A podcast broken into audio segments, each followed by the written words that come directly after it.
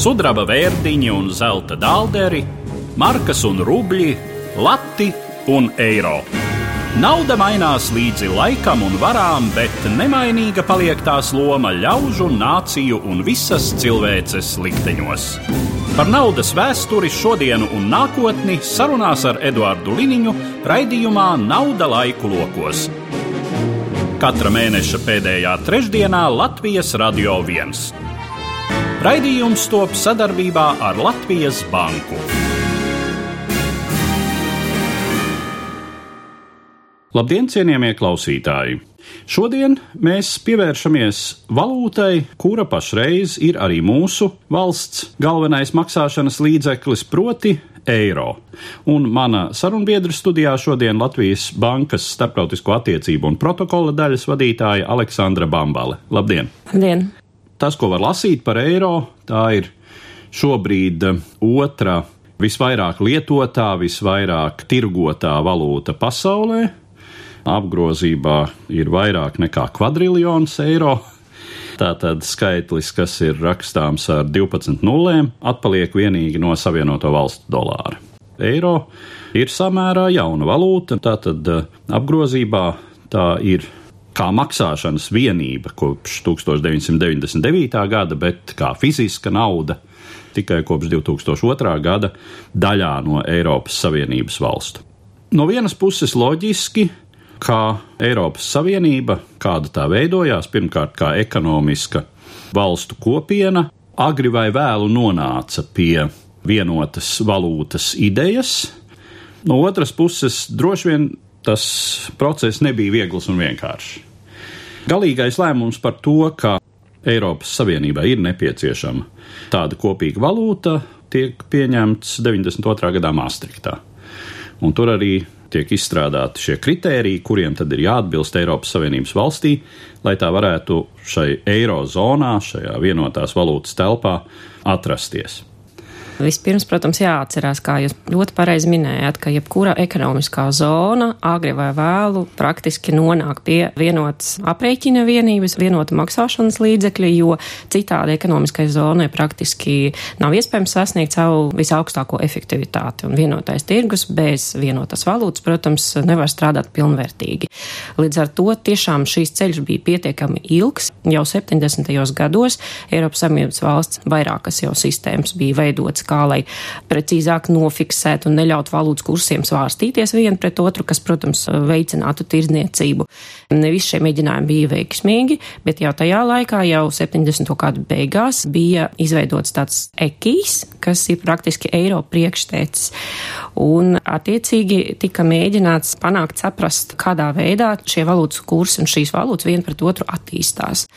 Un, kā es minēju, ne visas tās sistēmas bija veiksmīgas, vajadzēja izdarīt vairākus soļus, tomēr, lai veicinātu šo tirdzniecību un finanšu tirgus integrāciju.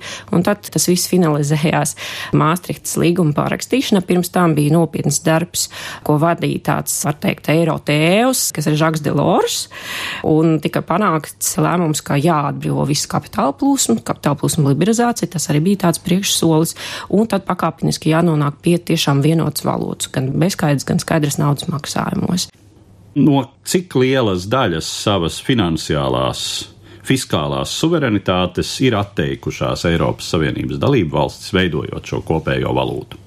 Protams, tas ir ļoti sarežģīts jautājums. Galvenais, nu, kā bija jāatsakās, tas ir no neatkarīgas monetāras politikas, no iespējām ietekmēt, fiksēt, dažkārt varbūt pat manipulēt ar savu valūtas kursu. Tas ir primārais, no kā teicās valstīs. Savukārt, kā es minēju, fiskāla politika, nē, mēs joprojām neesam atteikušies no fiskālas politikas. Fiskāla politika, ja budžeta politika, nodokļu politika gan joprojām ir nacionāls suverenitātes jautājums, un to veido pašas dalību valstis, valstu valdības, bet Eiropas Savienības līmenī notiek zināma veida koordinācija šīs politikas jomā.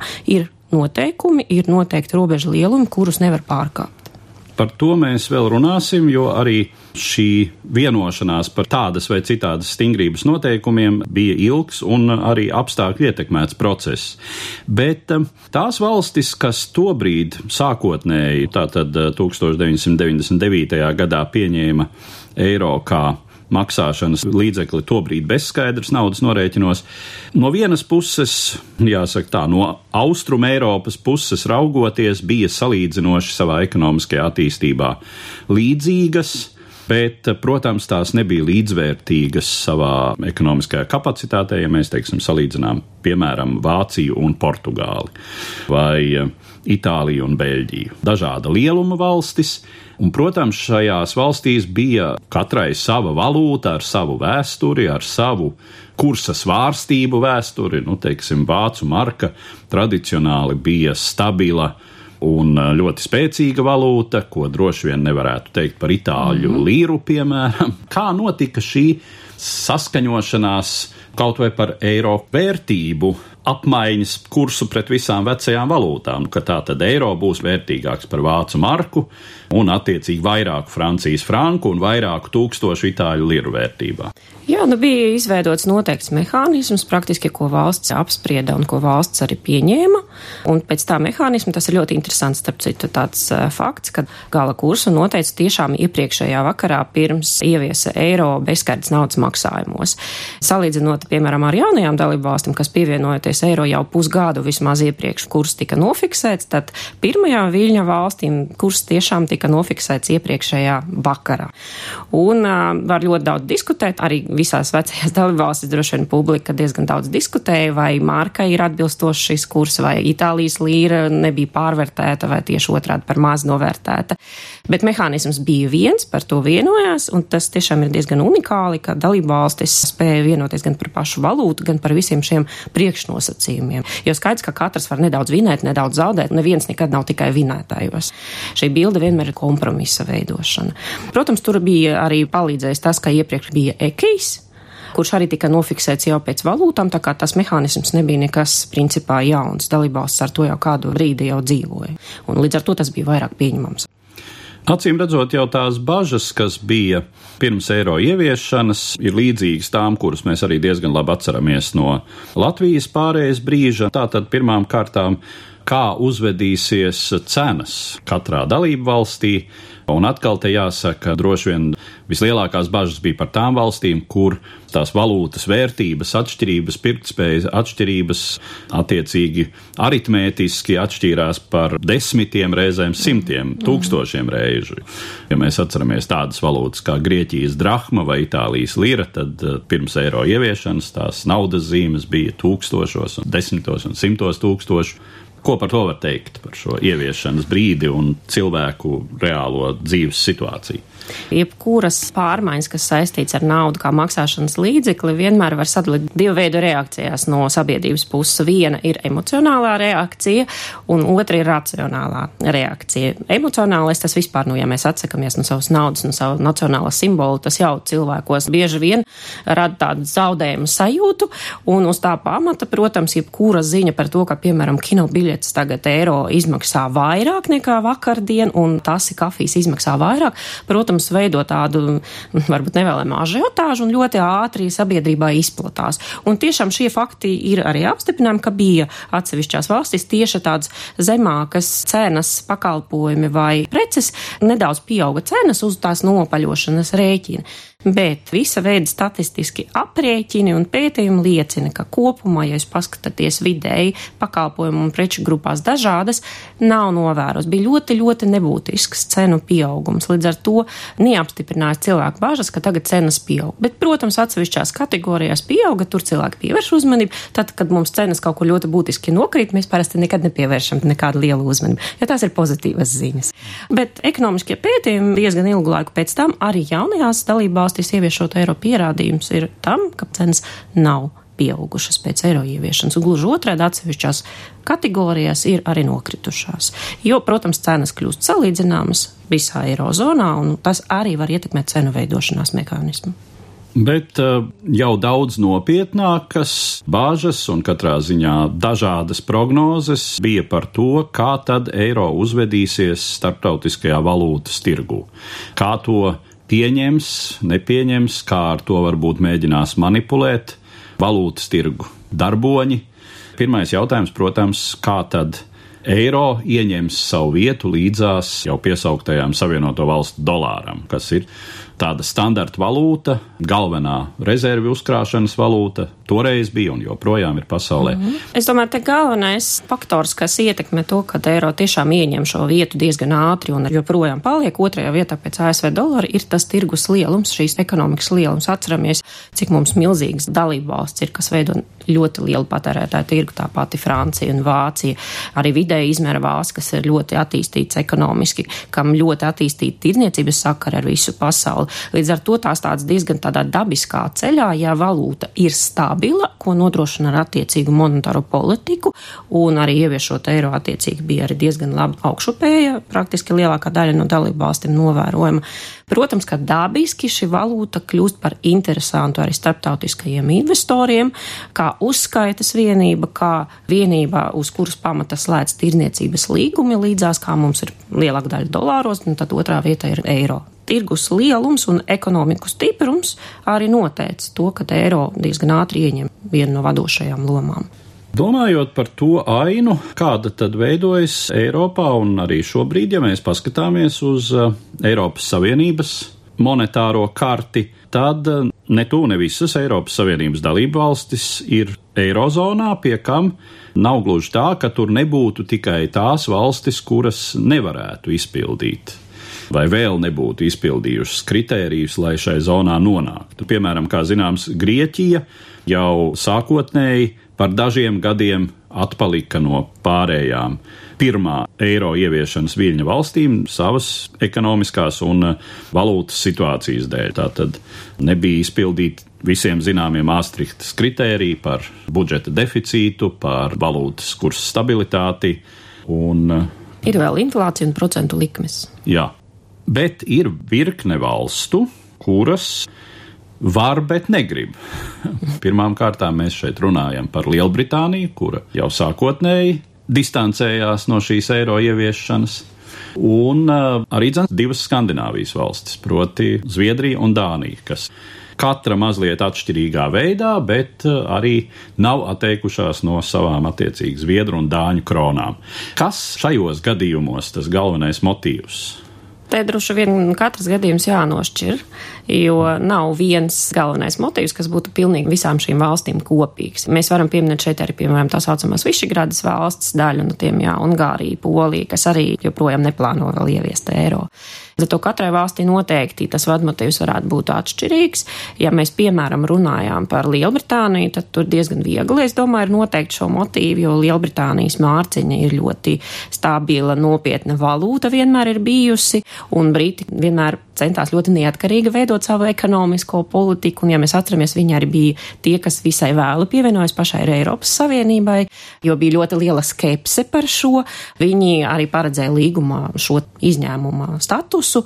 Kaut gan, protams, es domāju, ka viņi nebija īpaši apmierināti ar to, ka viņiem, piemēram, Eiropas centrālās bankas padomē vietas pie galda nav, jo noteikti lietas viņiem gribētos, protams, bet ja viņi nav vienotajā monetārajā zonā, tad tas praktiski nav iespējams. Viņi līdz šim ir veiksmīgi attīstījušies, kā mēs redzam, arī bez eiro.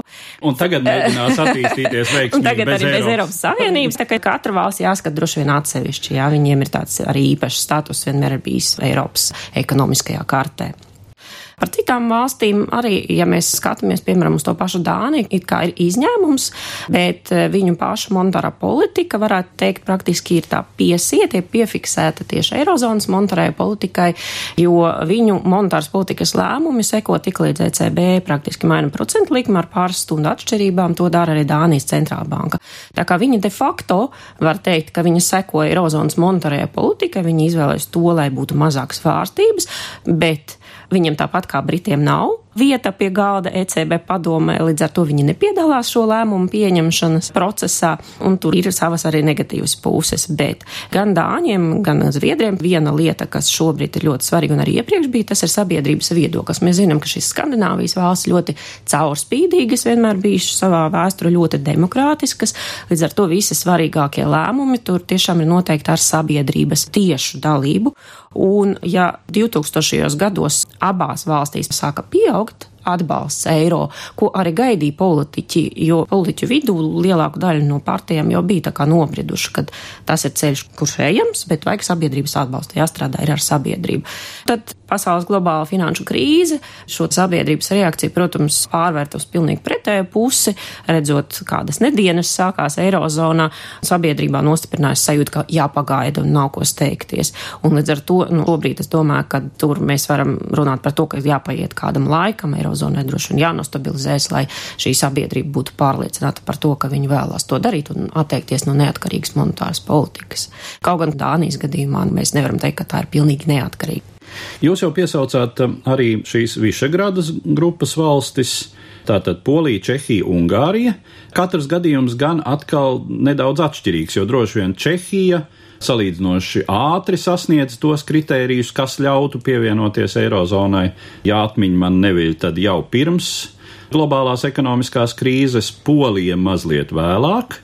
Savukārt eh, par Ungāriju ir droši vien jautājums, vai un kā tā vispār varētu, ja tādu mērķi stādītu. Bet cik es saprotu, tad atkal ar dažādiem mazliet motīviem, bet šīs valstis šobrīd nav katrā ziņā uzstādījušas konkrētus termiņus, kad tās gribētu pievienoties Eirozonai. Kas ir motīvs šajā gadījumā? Atkal dažādi motīvi, tā izskaitā arī politiskie motīvi. Ja mēs pastamies, kādi politiskie spēki, teiksim, ja tur pakāpeniski kāds veidojas tas politisko spēku kompromiss, tur vēl vienkārši nav gatavi varbūt iet tālāk un risināt šo jautājumu, bet uh, te ir ļoti svarīgas droši vien divas lietas. Viena ir ģeopolitiskā situācija un valstu atrašanās vieta. Ja mēs paskatīsimies arī Baltijas valstis, ir arī no ģeopolitiska viedokļa ļoti labi pēc iespējas ciešāk integrēties, tā izskaitā tad arī monetārajā savienība, jo, protams, tam ir nozīme arī ģeopolitisko risku kontekstā. Višegrāds valstīm nedaudz atšķirīga situācija šajā jomā tomēr. Un otra lieta ir tas, ka, acīm redzot, šīs valsts tomēr vēlēs paturēt iespēju izmantot valūtas kursa instrumentu kā vienu no ekonomikas sabalansēšanas instrumentiem, kas ir spēcīgs instruments un no kā šīs valsts nebija gatavas atteikties. Ēterā raidījums Nauda laiku lokos. Sarunas par naudas vēsturi, šodienu un nākotni sadarbībā ar Latvijas Banku.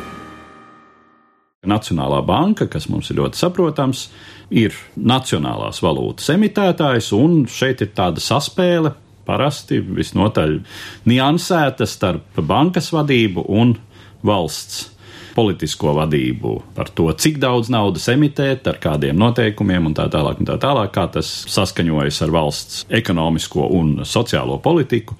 Tagad, kad eiro tiek emitēts centralizēti, kā tas organizatoriski notiek? diezgan bieži ir tāds aplams priekšstats, ka pievienojoties Eirozonai, praktiski Nacionālajai centrālajai bankai vairs nav ko darīt. Un visi dara ECB. Bet kopumā mēs redzam, ka pievienojoties Eirozonai tieši otrādi Nacionālās centrālās bankas funkciju apjomā un tādas kapacitātes apjoma visas lietas tikai pieaug.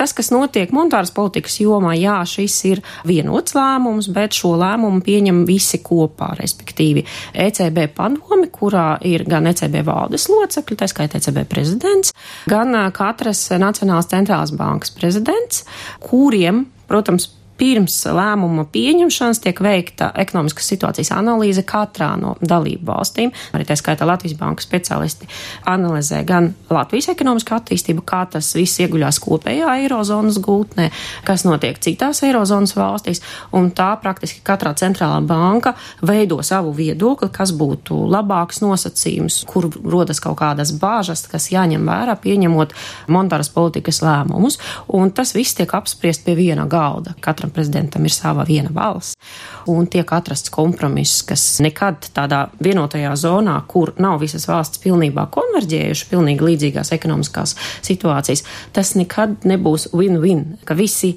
saņem tādu pozitīvu tikai. Jā, vienmēr tas ir tāds kompromiss zināms. Un te ir ļoti svarīgi, ka katrā centrāla banka ļoti rūpīgi skatās savā valstī, kas notiek, kā jūs teicat, skatās interakcijas ar ekonomisko politiku attiecīgajā valstī, neaizmirstot to, ka mēs kopā visi rūpējamies par lielu ekonomisko zonu. Un ja Eirozonai kopumā iet labi, arī mums ies labi, jo arī mūsu produkts un preces patērēs Eirozonas patērētāji, kas ir ļoti liels tirgus. Un ja viņus visus vilks uz augšu ekonomiska attīstība, tad arī mēs pastarpināti vienmēr būsim tajā augšup vērsta virzienā. Un tas ir ļoti svarīgi. Tā kā te nevar skatīties, vai šodien vāciešiem ir izdevīga zema procentu likme, grieķiem nē, un latviešiem kaut kur pa vidu. Jāskatās kopumā, kā tas eirozonu ietekmē. Vai eiro pastāvēšanas vēsturē ir bijuši kādi periodi, kad uh, Eiropas līmenī iespējams, vai arī no kādas dalībvalsts valdības un arī centrālās bankas ir bijuši mēģinājumi, tā vienkārši varētu teikt, sākt darbināt naudas drukājamo mašīnu. Ja mēs runājam par vienotu emisiju, tad vienīgais, kas var sākt darbināt, ja mēs runājam monetāras politikas ziņā, tas ir, protams, ECB kopā ar Nacionālajām centrālajām bankām pieņemot šādus lēmumus. Un, zinām, mērā jūs varat redzēt, ka šobrīd arī notiek tāda paplašinoša monetārā politika kopš uh, finanšu krīzes, var teikt, drukājot zināmā mērā šo naudu, lai atvieglot finansēšanas nosacījumus uzņēmumiem, kas varētu attīstīties un tādā veidā nu, dabūt to ilgtspējīgu izaugsmu beidzot Eirozonā. Tā kā jau šobrīd ļoti daudz nestandarta monetāras politikas instrumenti tiek iedarbināti, lai tieši iepludinātu naudu un likviditāti tirgos. Vai to var darīt atsevišķa banka? Nē, Eirozona Eirozonā to var darīt tikai kopīgi. Vai to var darīt valdības? Valdības nevar to darīt ar monetāro politiku. Valdības var drukāt naudu ar atļaujošo fiskālo politiku, respektīvi iepludinot atkal investīcijās kaut kādu naudu. Ja tādā veidā mums rodas arī lielāki budžeta izdevumi. Jautājums, kura valsts var to atļauties, kurai valsti ir fiskālā telpa, lai to atļauties krīzes laikā. Laikam jau nopietnākais pārbaudījums eiro bija pasaules ekonomiskā krīze, kas piemeklēja visu pasaules ekonomiku, un tas jau mums arī viss ir diezgan svaigā atmiņā. Kā tajā brīdī, pirmkārt, tā bija Grieķija. Latvija jau arī klājās tajā brīdī ļoti smagi, bet Latvija vēl tobrīd nebija Eirozonas valsts kā krīze, kas skar dažādas Eiropas valstis dažādā mērā, iespaido eiro situāciju un ko šajā gadījumā darīja Eiropas centrālā banka tieši globāla krīze ieviesa ļoti daudz tādu pārdomu, kādā veidā vispār var veiksmīgi eksistēt vienota monetārā zona, jeb vienota monetārā savienībā Eiropā. Un uh, diezgan skaidrs bija, ka šīs problēmas jau neparādījās tikai globālas krīzes laikā, tās tikai bija tāds kā katalizators tajā brīdī. Bet jau pirms tam tā bija, ka Eirozona apvienoja valsts ar dažādu ekonomisko attīstību tajā brīdī, un bija valstis, kas, varētu teikt tā, saimniekoja prātīgāk, gan investējot, gan uzmanīgi pieaudzējot ārējo parādu, gan valstis, kas izmantoja situāciju, kad bija zemes procentu likmes un aizņemās ļoti būtiski, audzēja gan budžeta deficīts, gan parādus. Savukārt pretī neliekot ekonomikas sakārtošanas instruments, ekonomikas reformas, palika bez līdzsvara zināmā mērā. Un situācija, kad pēkšņi globālajos tirgos vairs investori nebija gatavi visus finansēt, tieši tās vājākas valstis, kur ekonomika tajā brīdī pret šoku bija ļoti ievainojama. Tā bija Grieķija, kur ļoti smagi tas gāja, kur tiešām bija parāda līmenis ļoti augsts. Bet tas bija arī cits dienvidu valsts, atceramies Spāniju un Itāliju un Portugāli, un tā skaitā arī īrija, starp citu, kas auga ļoti strauji, bet attiecīgi pretī nebija tāds fiskālais buferis nebaltai dienai, kā mēs sakam. Tas viss arī rezultējās tajās problēmās. Un te mēs nevaram runāt par to, ko darīja tikai ECB, jo tā ir tikai viena daļa. Eiropas monetārā zona nevar strādāt tikai ar vienotu monetāro politiku, tur jābūt ļoti saskaņotai ekonomiskai un fiskālai politikai. Un, acīm redzot, mēs varam tagad jau secināt, ka šī politika gan nebija tik labi saskaņota, noteikumi netika ievēroti. Mēs zinām, ka Eirozona ir tāds Eiropas Savienības izaugsmas un stabilitātes pakts ļoti svarīgs ekonomikas izaugsmē, kas nosaka robežu lielumus gan valsts parādam, gan budžeta deficītam. Nu, diemžēl netika pieskatīts tas, ka šie noteikumi tika ievērot, un valstīm tika ļauts iet pāri šim robežam arī tad, kad tas vairs nebija ilgtspējīgi. Otra lieta, kas nebija Eirozona tajā brīdī, nebija nekādi glābšanas mehānismi. Mēs zinām, ka ir piemēram Startautiskais valūtas fonds, kas ir tāds starptautiska institūcija, kas ir zināma apdrošināšanas polise. Valstis, kas tajā piedalās, var rēķināties, ka ja viņiem ir krīze, fonds nāks palīgā. Protams, dodot naudu pret zināmām rekomendācijām, kas ekonomika jāsakārto. Eiropā, Eirozona neeksistēja šādi instrumenti. Un tajā brīdī vajadzēja domāt ne tikai par to, kā stiprināt noteikumu ievērošanu, bet arī vajadzēja ļoti ātrā tempā izveidot šādu glābšanas mehānismu.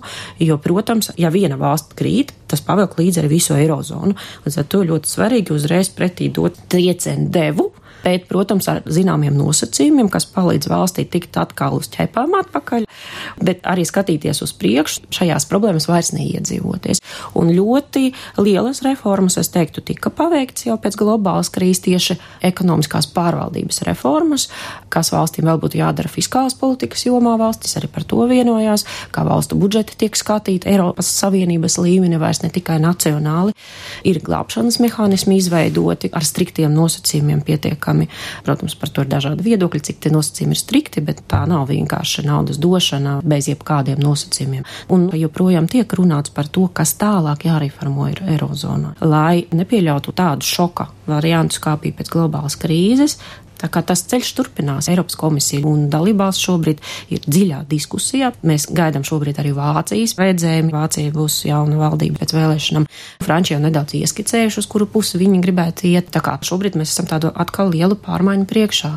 Jautājums ir, vai pietiks politiskā vēlme to visu īstenot. Viss notiek ap to, kā veicināt un motivēt valstis veikt reformas. Kur dabūt resursus, no kura avota tur katram savs redzējums, bet nu skaidrs, kā kāda resursa tam jāatrod, kā panākt to, ka noteikumi beidzot tiek ievēroti.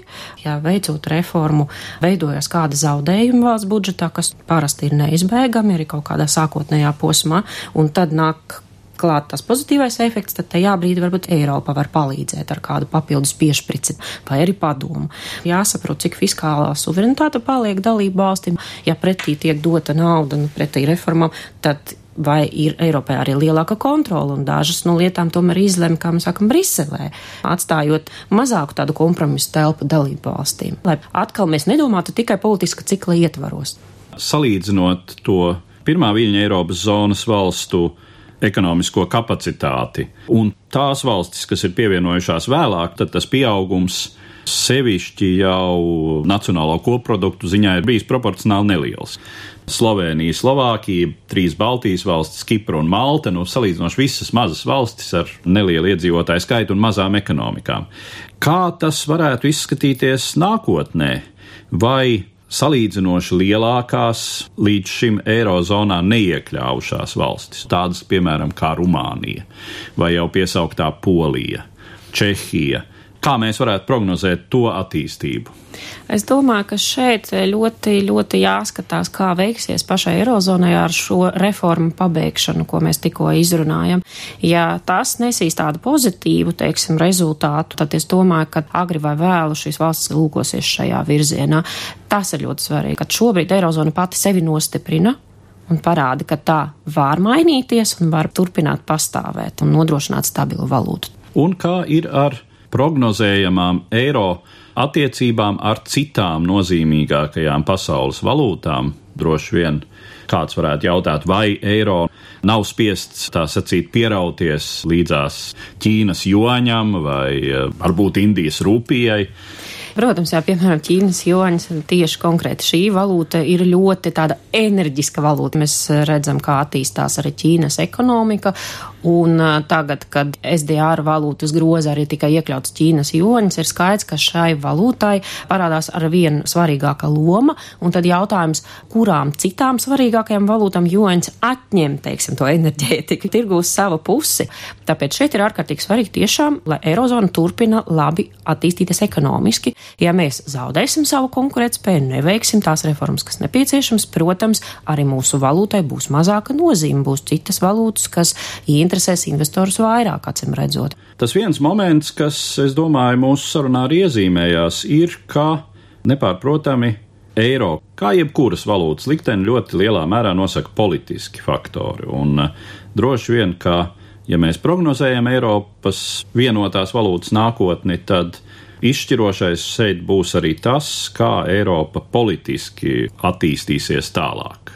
Nevelti jūs piesaucāt vēlēšanas atsevišķās nozīmīgākajās Eiropas Savienības dalību valstīs. Es domāju, ka tajā brīdī, kad uh, iepriekšējo vēlēšanu laikā Francijā, piemēram, bija jautājums, kurš tad kļūs par Francijas prezidentu, kāds spēks būs attiecīgi pie varas šai valstī, dažiem varēja šķist, ka arī eiro liktenis varētu būt apdraudēts. Jā, nu ļoti, ļoti gribās cerēt, ka aiz visām tām politiskām peripētijām cilvēki atcerēsies, cik vispār unikāls projekts ir gan Eiropas Savienība pati par sevi, gan Eirozona, kāpēc tas vispār tika izveidots, ko tas mums dod mūsu kontinentam. Par šīm lietām jādomā ārpus politiskā vēlēšanu cikla pilnīgi noteikti. Un tas arī, protams, tad noteiks, ja ir tā liela vīzija, ka mēs vēlamies saglabāt gan to tirgu, gan to kopienu, kam ir savas kopīgas demokrātiskas vērtības. Ja to ņem vērā, es ļoti ceru, ka tiešām tāds racionālisms prevelēs pāri emocijām. Ar tādu cerību es arī tad noslēdzu mūsu šodienas sarunu, kas bija veltīta eiro kā vienotajai Eiropas valūtai, un saku paldies manai sarunbiedrai, Latvijas Bankas starptautisko attiecību un protokola daļas vadītājai Aleksandrai Bambalei. Paldies! Nauda laiku lokos! Sarunas ar Eduāru Liniņu par naudas vēsturi, šodienu un nākotni Latvijā un pasaulē. Raidījums top sadarbībā ar Latvijas Banku.